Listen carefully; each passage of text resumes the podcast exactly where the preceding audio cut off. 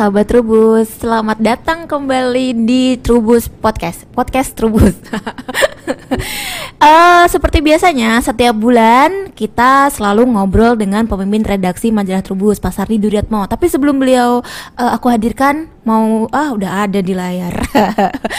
Ini di depan aku ada majalah Trubus edisi uh, Maret. Ini membahas tentang manggis. Siapa di antara kalian yang suka memakan manggis atau malah nggak suka manggis gitu? Kalau aku golongan orang yang suka banget makan manggis. Jadi satu kilo manggis itu bisa habis sama aku sendiri nih sahabat trubus. Saking aku sukanya manggis. Sebelumnya di uh, majalah Trubus itu kita membahas manggis itu lebih sering untuk bisnisnya ya. Itu adalah kulit manggis karena seperti kita ketahui manggis itu punya antioksidan yang tinggi. Apa ya namanya ya? Mangostin kalau nggak salah. Santon. Santon, mangostin mah nama ininya, nama lainnya sahabat terus. Jadi ada santon. Santon itu uh, antioksidan yang dimiliki oleh manggis dan kenapa ada banyak sekali produk-produk kesehatan baik herbal yang diminum secara oral ya maksudnya atau juga yang uh, untuk kulit. Karena saking kerennya si uh, santon tersebut. Uh, kalau nggak salah dulu tuh kita pernah membahas kalau kulit manggis itu bisa membantu meringankan penyakit berat seperti kanker, ada juga pernah juga uh, jantung gitu, terus kayak diabetes juga ada. Makanya uh, dulu kita mengulasnya kalau kulit manggis itu bisa juga diperjualbelikan atau diniagakan. Nah sekarang bukan kulit manggis yang akan kita bahas, tapi adalah buah manggisnya. Kenapa? Karena ternyata kita sudah bisa ekspor manggis, sahabat Trubus. Jadi bukan cuman uh, produk-produk uh, apa namanya? Uh, perkebunan yang nilainya tinggi atau buah-buah yang premium istilahnya buah premium itu yang bukan non buah tropis ya. Kalau manggis ini kan benar-benar buah tropis yang uh, hanya ada di daerah tropis dan untungnya kita banyak populasinya dan kita bisa ekspor. Dan juga dulu itu manggis itu palingan ditanam di deket-deket rumah sekarang maksudnya di dekat rumah tuh di pekarangan atau di belakang rumah gitu nah sekarang kebun manggis tuh ada sahabat rubus dan besar alias manggis sudah dikebunkan secara intensif ada jarak tanamnya ada waktu panen pruning pemupukan dan segala macam itu ada di edisi Maret. Oleh karena itu, seperti biasa, aku akan bahas edisi Maret ini bersama dengan Bapak Sardi Duryatmo. Ini Pak Sardi adalah tamu undangan tetap. Terima kasih Andari sahabat Rubus. Pak Sardi sehat. Alhamdulillah sehat. Andari sehat? Sehat, sehat, sehat selalu. Sebenarnya Pak Sardi ini uh, aku culik sih sahabat Rubus. Tadi sedang rapat, tapi harus aku culik sebentar biar mau nungguin atau nemenin aku ngobrol bareng sahabat Rubus. Nanti kasih komen ya di komennya. Uh, kalau misalnya mau tanya tentang manggis. Pak Sardi, tadi kan aku sudah ngasih prolog sedikit mengenai manggis. Kenapa Trubus mengangkat manggis? Selain bisa untuk selain istimewanya dari ekspor kemudian dikebunkan secara intensif, apa sih yang mau dikabarkan majalah Trubus Pak Sardi? Ya, kabar turbo selalu baru dan menarik pasti Betul, kan ya. selalu baru dan menarik. Kalau tadi yang dari menyebutkan biasa ditanam di pekarangan, mm -mm. bahkan manggis itu tumbuh dengan sendirinya biasanya, oh, bukan ditanam okay, okay, ya. Okay, okay. Makanya uh, hasil perbanyakan generatif menyebabkan tanaman tinggi dan panen pada umur rata-rata kalau dari biji mm -mm. 10 sampai 12 tahun mm -mm. setelah lama ya. kalau perbanyakan vegetatif misalnya apa dengan grafting mm -mm. itu rata-rata 7 sampai 8 tahun. Oke. Okay saat ini di bulan Maret ini di Trubus ada ulasan manggis katai pendek karena pendek disebut katai gitu. Manggis katai yang berbuahnya lebih singkat, lebih genjah. Pada umur 4 tahun sejak tanam itu sudah mulai berbuah. Sebetulnya bisa lebih awal lagi tetapi perakarannya belum begitu kuat sehingga biasanya dibuang pembungaannya gitu, bunganya dibuang. Baru dibuahkan perdana atau magori pada umur 4 tahun sejak tanam manggis kate gitu. Manggis kate, manggis pendek cebol. Iya, iya, ya, sebenarnya pendek kalau biasanya kan tinggi ya bisa yeah. sampai 25 30 meter ini mm -mm. Satu setengah sampai 2 meter. Orang bisa memetik sendiri, jadi sangat bagus untuk agrowisata juga mm -mm. gitu. Karena kate pendek, uh, tajuknya juga tidak begitu rimbun, mm -hmm. tidak serimbun kalau manggis yang mm -hmm. konvensional, mm -hmm. menyebabkan populasinya bisa lebih basah, lebih banyak gitu ya per hektar. Eh, lazimnya manggis itu ditanam dengan jarak tanam 10 kali 10 atau 12 kali 12 meter. Oleh karena itu populasi per hektar sekitar 100 tanaman. Nah, karena ini KT pendek konsekuensinya populasinya bisa meningkat 3 atau 4 kali lebih banyak dibandingkan kalau manggis yang biasa. Daya tariknya antara lain di situ. Oh, ada manggis katai. Pendek sependek apa sih Pak Sardi? Karena aku tergolong manusia petit, petit. Berarti petit, dengan ya. adanya manggis katai, manggis petit itu untung dong aku kalau misalnya datang bisa petik eh, sependek apa sih sebenarnya? Benar. Jadi kalau umur berapa tadi empat tahun itu sejarah tingginya sekitar satu setengah sampai 2 meter masih terjangkau oleh tangan gitu. Satu setengah sampai Iya. dua meter. Oh, aku masih Pendek, bisa. iya, satu meter pendek. Berarti ini nyindir hostnya atau gimana Pak Sardi? Ini keuntungan bagi petani kan, Oke. sudah pendek sehingga memudahkan panen, mencegah buah jatuh kan ya. Te- Yang kedua, popo, karena pendek populasinya lebih tinggi gitu.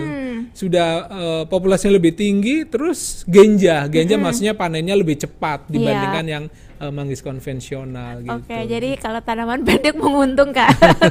Populasinya lebih banyak dan bisa dipanen lebih cepat. Kalau soal rasa gimana? Rasa tidak ada tidak ada masalah, beda, bagus gitu sama gitu seperti manggis pada umumnya. Manis, asem Ah, gitu ya. Kalau misalnya manggis itu ya Pak Sardi. Benar. Tapi ini bukan varietas baru ya yang manggis kate gitu. Tapi lebih ke lebih ke treatment gitu. Oh. Treatment dalam pengertian eh, selama ini diketahui akar manggis tuh perkembangannya agak lambat itu. Padahal akar perannya tahu persis kan. Dia yang akan memasok nutrisi air untuk perkembangan eh, buah gitu. Karena akarnya itu lambat menyebabkan tadi konsekuensinya eh, pohon tanaman berbuah perdana sangat lama tadi 7 sampai 8 tahun gitu. Oleh karena itu disiasati oleh apa dengan inovasi baru. Jadi ada tiga bibit yang kemudian disatukan. Eh, tiga bibit artinya ada tiga akar kan. Iya, heeh. Eh, disatukan gitu nanti akan menyatu beberapa bulan. Lalu cari salah satu batang yang terbaik yang kuat dan itu kemudian disambung pucuk di grafting. Oh, oke. Ah, ah, nah di grafting tentu dengan eh, tanaman yang sudah pernah berbuah menghasilkan sudah teruji gitu. Kalau tadi terkait dengan pertanyaan Andari rasanya gimana? Ya tidak beda jauh, sama saja dengan manggis yang konvensional gitu. Nah, Takutnya ini eh, karena katai pendek nanti kualitasnya jadi ikut pendek juga. Tapi Tidak. ternyata enggak ya. Enggak, eh, sama bobot buahnya nanti untuk ekspor nggak ada masalah gitu. Bobot antara misalnya 80 gram, 90 gram itu masih eh, bisa gitu, nggak ada masalah. Hanya karena tadi sosoknya lebih pendek, eh, akarnya lebih banyak ya karena tadi kan ada tiga bibit yang disatukan gitu dan menyebabkan eh, tadi berbuahnya lebih cepat pada umur 4 tahun gitu, bahkan bisa lebih cepat lagi gitu. Oh, umur 4 tahun kita sudah bisa panen si manggis katai ini. Iya. Biasanya kita panen nunggu sampai 8 tahun 8, gitu ya iya. baru bisa memetik manggis. Ini inovasi baru dari mana sih Pak Sardi? yang sudah mengembangkan ini yang di Trubus Maret uh, ya antara di kebun percobaan di Aripan di Balitbu Solok gitu itu ada sekitar 140 pohon dan sudah terbukti gitu sangat produktif uh, pendek. Jadi kalau uh, bingung mau menginvestasikan untuk apa ya ini salah satu manggis kate itu potensial untuk agrowisata gitu.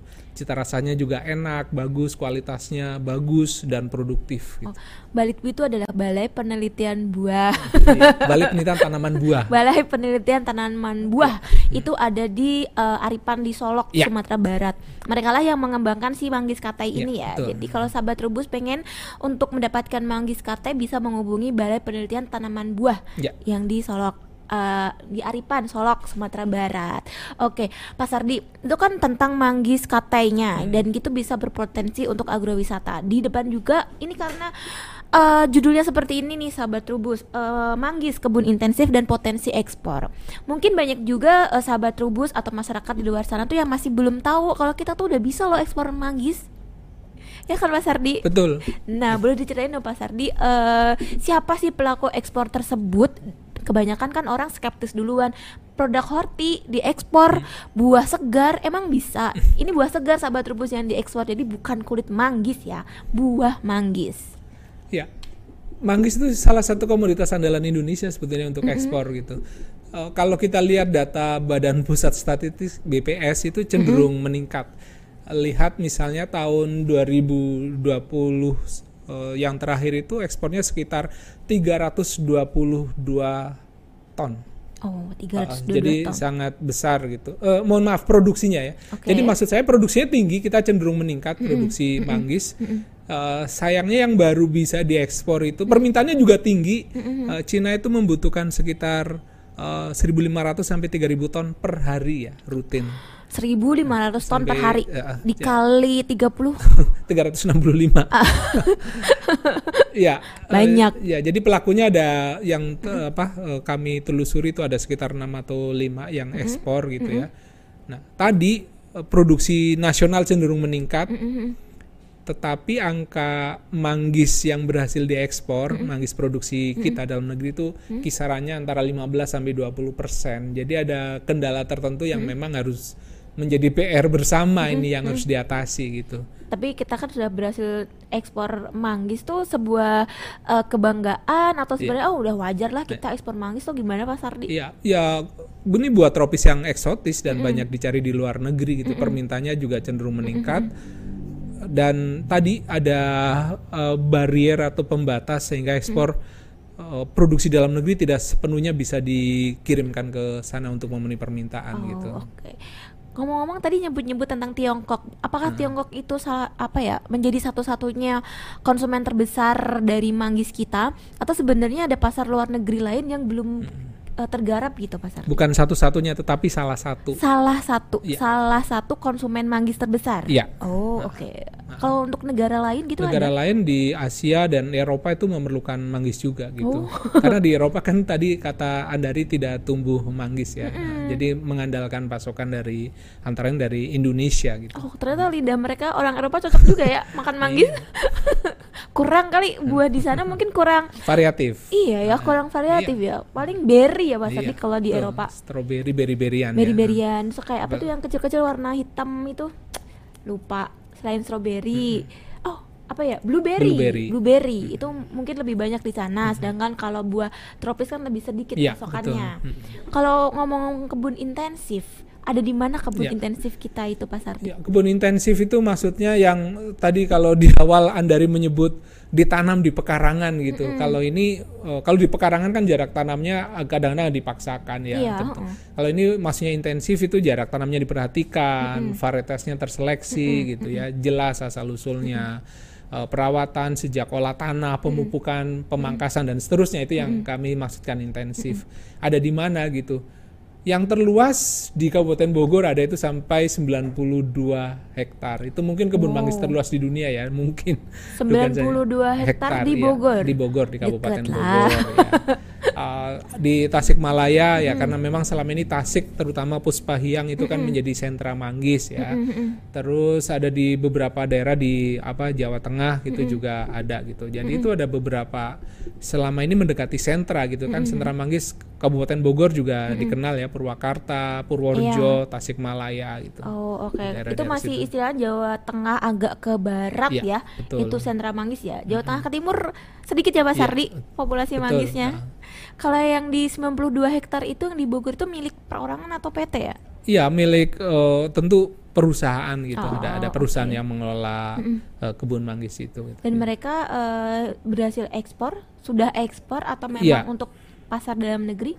Sebagian dalam negeri, sebagian dirintis ekspor ke berbagai negara seperti Prancis, negara-negara di Eropa yang permintaannya juga cukup besar gitu. Yo, kalau Eropa gitu kan kayak agak agak apa ya, agak-agak tricky apa ya, tricky, agak rewel ya Pak Sardi tentang kualitas buah gitu. Betul. mm. Itu biasanya mereka pengennya manggisnya kayak gimana? ya? Kalau aku beli manggis ah, asal kulitnya bagus ya udahlah aku beli gitu kan.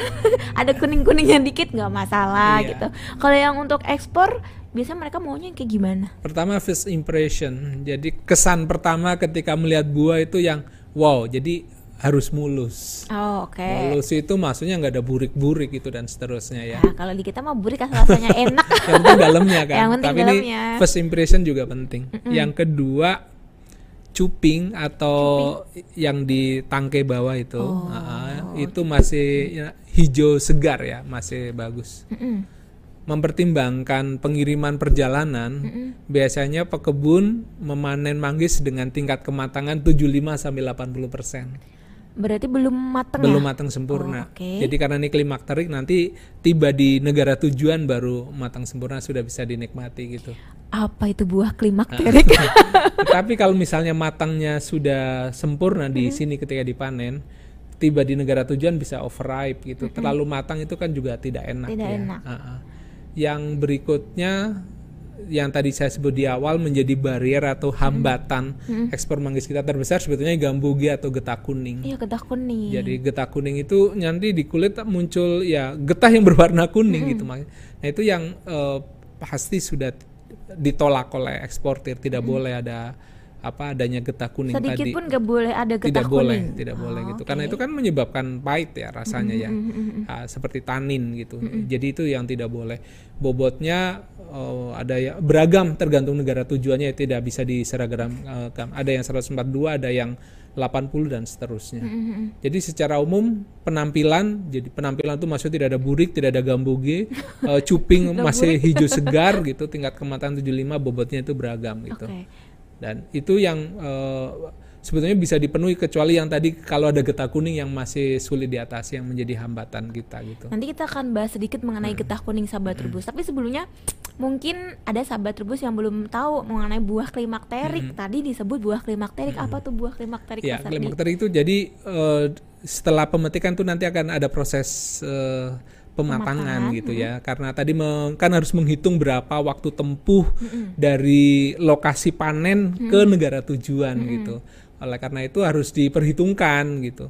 O- eh, makanya eksportir di Indonesia mensyaratkan agar petani manggis tadi memanen pada tingkat kematangan 75% karena nanti akan ada terus lajunya terus berjalan gitu. Oh, jadi kalau boleh bahasa singkatnya itu buah klimakterik adalah buah yang setelah dipanen dia akan tetap jalan metabolismenya, Iya. jadi dia matang dengan sendirinya Iya, gitu. betul. Mm. Jadi makanya dipanennya ada pas mengkal, Mm-mm. karena nanti dia akan matang ya Pak Sardi. Iya. Contohnya tuh manggis, buah klimakterik. A- apalagi Pak Sardi kalau buah klimakterik. Eh, mangga juga termasuk ya. Mangga buah Mm, klimakterik. Ada terus ada lagi lawannya itu buah non klimakterik. Iya. Itu yang dia kalau dipanen udah pas di fase Berhenti. itu aja gitu, dia berhenti. Apa tuh Pak Sardi? Lupa aku. Buah Eh, non klimakterik. Nanas termasuk ya. Oh, nanas. mm-mm. Oh, makanya kalau kita panen nanas pas muda, ya udah mau sebulan kemudiannya rasanya akan tetap asem gitu. Beda dengan mangga, kalau dipanennya pas mengkal sebulan kemudian atau seminggu kemudian dia matang gitu ya. Beberapa hari ya, Beberapa tergantung hari. tingkat kematangan Iya, nggak sampai sebulan. Iya, maksudnya itu contoh doang, contoh doang. Dalam waktu beberapa hari dia matang. Kalau nanas enggak, berhenti aja di situ asem ya asem gitu. Pas tadi getah kuning, tadi katanya masih jadi kendala sahabat Trubus untuk getah kuning. Masa sih belum ada inovasi mungkin dari Balitbu atau dari peneliti IPB mengenai cara untuk mengatasi getah kuning atau menghilangkan getah kuning minimal gitu. Ya, sebetulnya bisa getah kuning itu antara lain karena kelembaban ya laju respirasi yang begitu tinggi itu menyebabkan sehingga nanti sel-sel di kulit buah itu menjadi pecah menye- menyebabkan getah kuning. Di Trubus Marut sebetulnya juga diulas ada beberapa teknologi gitu. Misalnya tumpang sari dengan tanaman kopi gitu. Oh, Jadi oke. tajuk kopi yang juga menutupi area tanah di sekitar pohon manggis itu ternyata bisa juga mencegah eh, apa munculnya getah kuning gitu. Oh, oke. Eh, di tingkat pekebun itu ketika serangan getah kuning tinggi bisa sampai 40% gitu. Jadi sangat signifikan kan.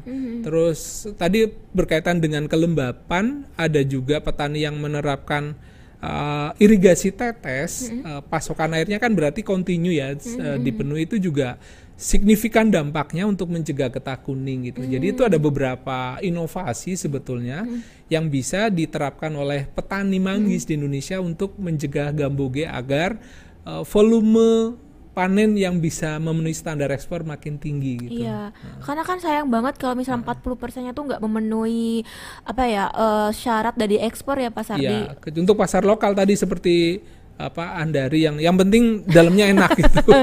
itu kayaknya saya dan teman-teman saya seperti itu Sardi. kalau pasar dalam negeri mungkin masih bisa masuk ya. Iya, betul. Eh, adanya getah kuning gitu. Tapi kalau untuk pasar ekspor udah pasti tuh ditolak. Iya. Oleh karena itu panen kan juga harus hati-hati ya, tidak Hmm. harus apa meng, apa mencegah benturan-benturan itu kan Oh, juga iya. bisa memicu ya. Itu bisa memicu getah kuning iya, juga. jadi tetap benturan. harus hati-hati penanganannya gitu panennya, tidak boleh dilempar-lempar gitu ya. Oh, harus oke. memang diperlakukan sangat hati-hati untuk agar eh, tadi standar yang dipersyaratkan oleh eksportir bisa dipenuhi oleh para petani. Tapi walaupun kendalanya seperti itu, toh nyatanya eh, petani kita juga sudah bisa, yang Bisa. ekspor. Hmm, iya. Itu boleh dikatakan pengetahuan petani kita mengenai budidaya mm, dari tanam sampai pasca panen tuh sudah bagus ya Pak Iya, Sardi. betul. Mm-mm. Sudah memenuhi good, good agricultural product. Ah. GAP GAP ya. GAP. Bahasa kerennya seperti itu. Makanya kita bisa ekspor. Nah, Pak Sardi selain oh ya, eh, selain manggis, apa sih yang kita bahas di edisi eh, Maret ini? Ya. Selain di bulan Maret itu ada hari tuberkulosis Hari TBC. TB dan Indonesia peringkat ketiga penderita TB terbesar Iya, setelah kenapa sih? Cina Kenapa kayak gitu, Pak dan eh, India gitu. Karena penularannya gampang sekali gitu. Pernah ada kasus kos-kosan itu anak kos-kosan anak laki-laki kebetulan. Kan kalau anak laki-laki biasa ya eh, sendok gantian gitu. Dari satu sendok itu makan bersama, akhirnya satu kos-kosan itu sembilan orang kena TB semua gitu misalnya. Oh, hati nih anak kasus, ya. kosan. harus maksudnya karena merasa kan kalau udah akrab biasa "Mm, gue minum atau gitu kan gantian. Nah, s- ini ada beberapa ini sih sebetulnya herbal yang bisa digunakan untuk apa eh, mengatasi tuberkulosis gitu. Di Trubus edisi Maret 2022 eh, Trubus juga menampilkan itu karena oh, karena ini masih menjadi persoalan eh, kita gitu. Nah. Hati-hati nih anak kosan. Eh, Jangan eh, apa namanya minjem alat makan ya, karena ternyata kita itu adalah peringkat nomor tiga tuberkulosis.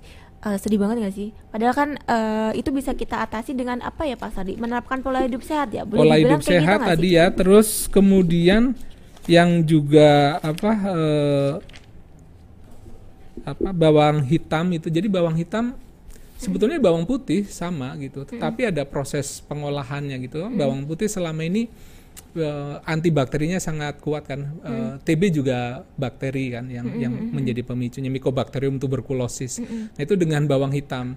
Uh, bawang hitam itu bawang putih yang diolah sedemikian rupa, dibungkus dengan uh, aluminium foil, dipanaskan beberapa saat itu, uh, dan kemudian dikonsumsi rutin.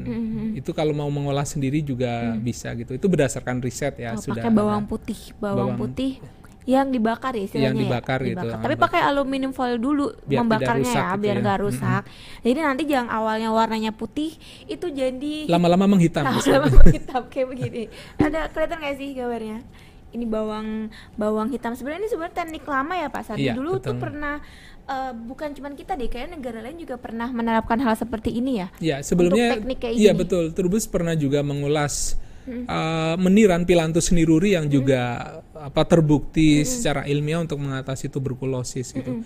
Pernah juga dengan uh, bunga pagoda gitu. Jadi penderita tuberkulosis kan biasanya meminum uh, resep dokter dalam jangka panjang 6 Iya, ha. bulanan ya karena tadi harus benar-benar bers- bersih gitu kumannya gitu. Nah, itu bisa dicoba salah satu gitu Meniran. meniran terus tadi ada alternatif bawang Ya, hitam bawang atau uh, bunga pagoda kan populasinya relatif banyak Bunga gitu pagoda tuh apa bunga pagoda Coba nama lainnya apa? Nah, bunga pagoda tuh yang bunganya jingga dan makin ke atas makin mengerucut itu oh, namanya bunga pagoda. bunga pagoda Oh, gitu oke. Jadi ada banyak eh, apa pilihan yang Hmm. kita bisa kita gunakan untuk mengatasi tuberkulosis.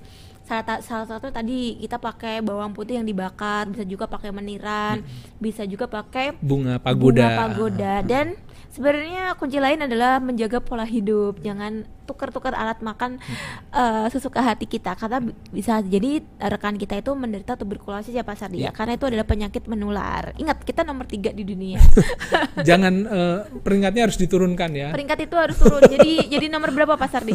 Ya 160 sekian atau nggak ada sama sekali. 100 sekian. Amin amin amin. Itu di bagian eh, rubrik obat tradisional ya. Iya, kita betul. membahas tentang eh, cara mengatasi tuberkulosis. Kalau di rubrik tanaman hias? Tanaman hias itu ada juga eh, apa ya ini apa hobi yang menurut saya juga bagus ya monstera. Monstera. Ah, itu ada monstera monstera variegata. Heeh, itu yang eh, harganya juga cenderung meningkat ya dihitung per lembar daun. Hmm, dan itu diulas eh, oleh Trubus juga gitu Oke. pilihan-pilihannya gitu ya. Mm-mm. Eh, rangkaian bunga juga tentu muncul setiap edisi ya. Muncul. Edisi, ya. Nah, Karena itu apa agar orang ketika punya daun potong, bunga potong bisa berkreasi di rumah sendiri gitu. Betul, betul. Untuk meng, eh, jadi eh, segar panoramanya gitu ya eh, dengan adanya eh, beragam tanaman tadi. Mm-mm. Itu di tanaman hias. Kemudian di rubrik perkebunan. Rubrik perkebunan, nah ini menarik sebetulnya karena sudah lama kita nggak bahas sengon. Nah ini ada eh, sengon yang eh, pertama sengon selama ini kan dikategorikan kayu yang kelas awet 4 gitu ya. Kelas awet 4 artinya keawetannya sangat rendah gitu, tidak begitu awet. Ada beberapa teknologi yang bisa diterapkan oleh industri agar sengon itu tingkat keawetannya itu meningkat menjadi awet 2 gitu.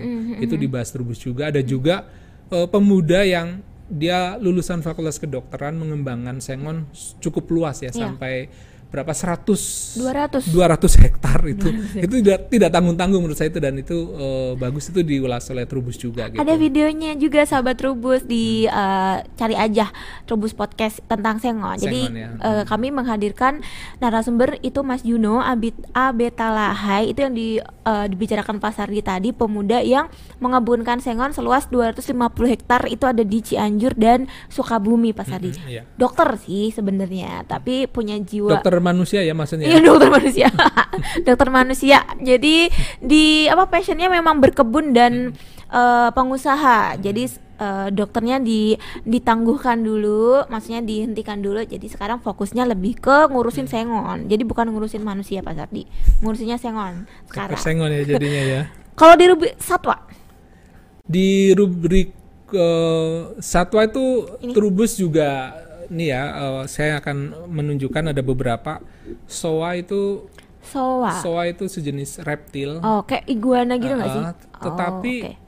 Trubus menitik beratkan pada perbanyakan gitu, bukan tangkapan alam ya. Karena Oh. Trubus memperhatikan konservasi. Jadi tidak sembarangan, oh tangkap di alam masih banyak tidak gitu. Jadi Trubus juga mengedukasi kalau memelihara ini bel- belilah soa hasil perbanyakan. Jadi ada beberapa pehobi yang sudah eh, memperbanyak soa gitu ya. Soa, oke. Ah, Nah ini menurut saya juga bagus karena ada unsur edukasi eh, tersendiri, tidak harus eh, mengambil tangkapan alam gitu.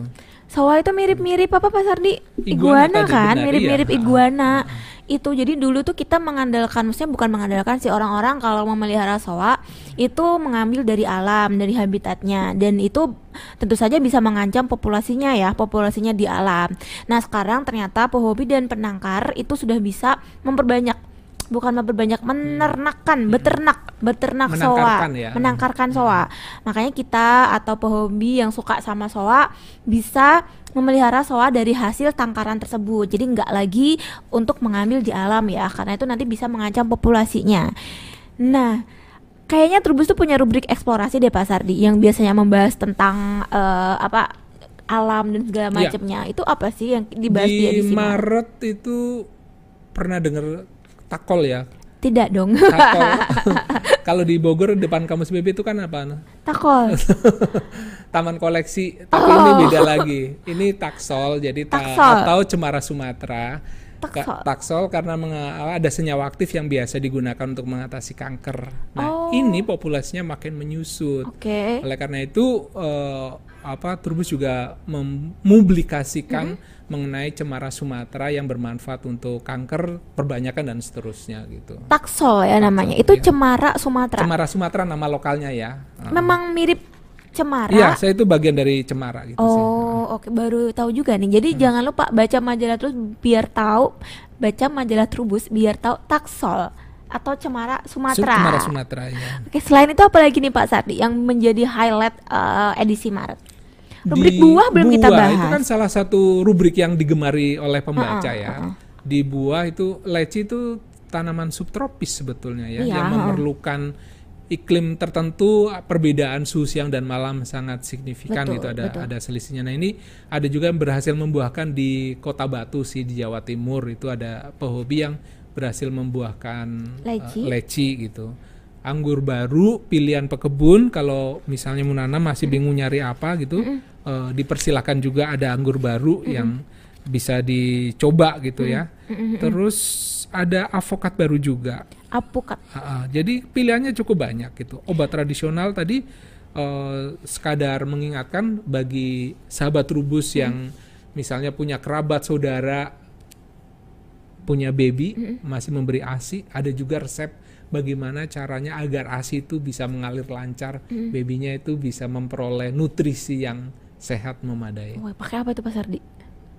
Jantung pisang. Oh, jantung. Oh, biasanya kan pakai katuk. Ini Iya, jantung pisang bisa. pisang, ah. Wah, itu biasanya dimasak pecak jantung pisang deh. Enak ya. Oh, enak, enak. Jadi ada tadi ada bawang putih yang dibakar untuk mengatasi tuberkulosis. Kemudian kita bahas juga mengenai jantung pisang itu bisa kita gunakan untuk memperbanyak ASI ya Pak Sardi. Ya.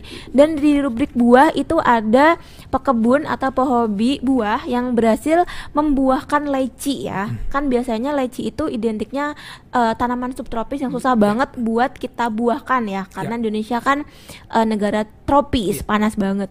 Tapi ini dibuahkannya kan di Batu ya, yang lumayan dingin ya Pak Sardi. Betul, dataran tinggi juga Ah. ya Batu ya, ke, ke ketinggian sekitar 900 sampai 1000 meter di atas permukaan laut. Tapi pasti nggak semudah itu buat membuahkan tanaman introduksi. Jadi kalian wajib baca majalah Trubus edisi Maret. Kita bisa tahu tentang manggis, leci, kemudian anggur. Tadi ada taksol, Sengon. taksol. Kita juga bahas tentang sengon sedikit. Dan untuk eh, trailernya di edisi April nanti kita kita bahasnya eh, mengulas lebih dalam tentang sengon. Gitu. Menarik banget kan? Boleh pinjam majalahnya Pak Sardi. Ini majalah Trubus ini kalian bisa dapatkan di website kita atau bisa juga DM majalah Trubus, DM Instagram majalah Trubus. Dan juga sahabat Trubus, kita tuh ada pelatihan, kalian bisa kunjungi eh, website www.kelastrubus.id. Jadi aku pengen menjelasin sebentar kalau kalian masih bingung. Trubus itu punya banyak macam jenis pelatihan yang kalian bisa ikuti. Pelatihannya macam-macam. Ada pelatihan tanaman buah, misalnya tentang budidaya mangga ya Pak Sardi. Iya. Ada juga pelatihan mengenai tanaman perkebunan, bisa tentang budidaya sengon, pelatihan mengenai eh apa eh, satwa air lobster nih sekarang lagi hits banget lobster air lobster air tawar. Nah, kalian bisa ikuti pelatihannya, bisa lihat terus info-info terbaru mengenai pelatihan yang kita adakan itu ada di website kelastrubus.id.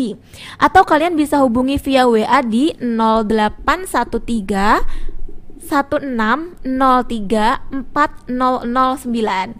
Aku ulangi lagi ya di 081316034009. Silahkan pilih pelatihan yang sesuai dengan passion kalian. Bisa buah, tanaman hias, perkebunan, satwa, apa aja itu ada di situ. Dan jadwalnya sudah ada di situ berikut dengan eh, harganya ya. Jadi berbayar, pelatihannya berbayar. Tapi worth it banget kok sahabat Trubus meskipun berbayar karena kita bisa mendapatkan materi eh, yang lengkap, yang detail dan juga kita bakalan dilatih oleh eh, trainer atau mentor yang sudah berpengalaman. Jadi per- pekebunnya bukan pekebun yang abal-abal, peternaknya bukan peternak yang abal-abal atau apa ya pehobinya juga bukan pehobi sembarangan. Jadi benar-benar kita pilih mentornya agar kalian bisa mendapatkan informasi sedetail mungkin apa pun yang kalian mau mengenai komoditas tersebut. Dan di bulan Maret ini kita ada diskonnya diskonnya 10% jadi dari harga yang diterapkan di setiap pelatihan itu kalian bisa dapat diskon sebanyak 10%. Jadi langsung aja kunjungi website kelastrubus.id atau hubungi WA 081316034009. Selamat eh, melatih passion kalian di bidang agribisnis ya sahabat Trubus. Nah, Pak Sardi, terima kasih banyak. Terima Eh, kasih kembalian dari sahabat Rubus, terima kasih. belum. Terima kasih Pak Sardi sudah menemani saya dan juga sahabat Trubus untuk mengulas eh, majalah Trubus edisi Maret. Ingat ya covernya seperti ini, covernya tuh manggis karena kita bahasnya manggis. Topiknya adalah manggis. Jangan lupa untuk segera beli dan berlangganan ya Pak Sardi. Yap. Ya. Terima Betul. kasih banyak sahabat Trubus yang sudah menonton podcast Trubus mengenai editorial majalah Trubus edisi Maret 2022. Sampai ketemu lagi bulan depan kita bahas tentang edisi April 2022. Terima kasih banyak Pak Sardi. Terima kasih semuanya. Sampai ketemu lagi di podcast selanjutnya. Dah.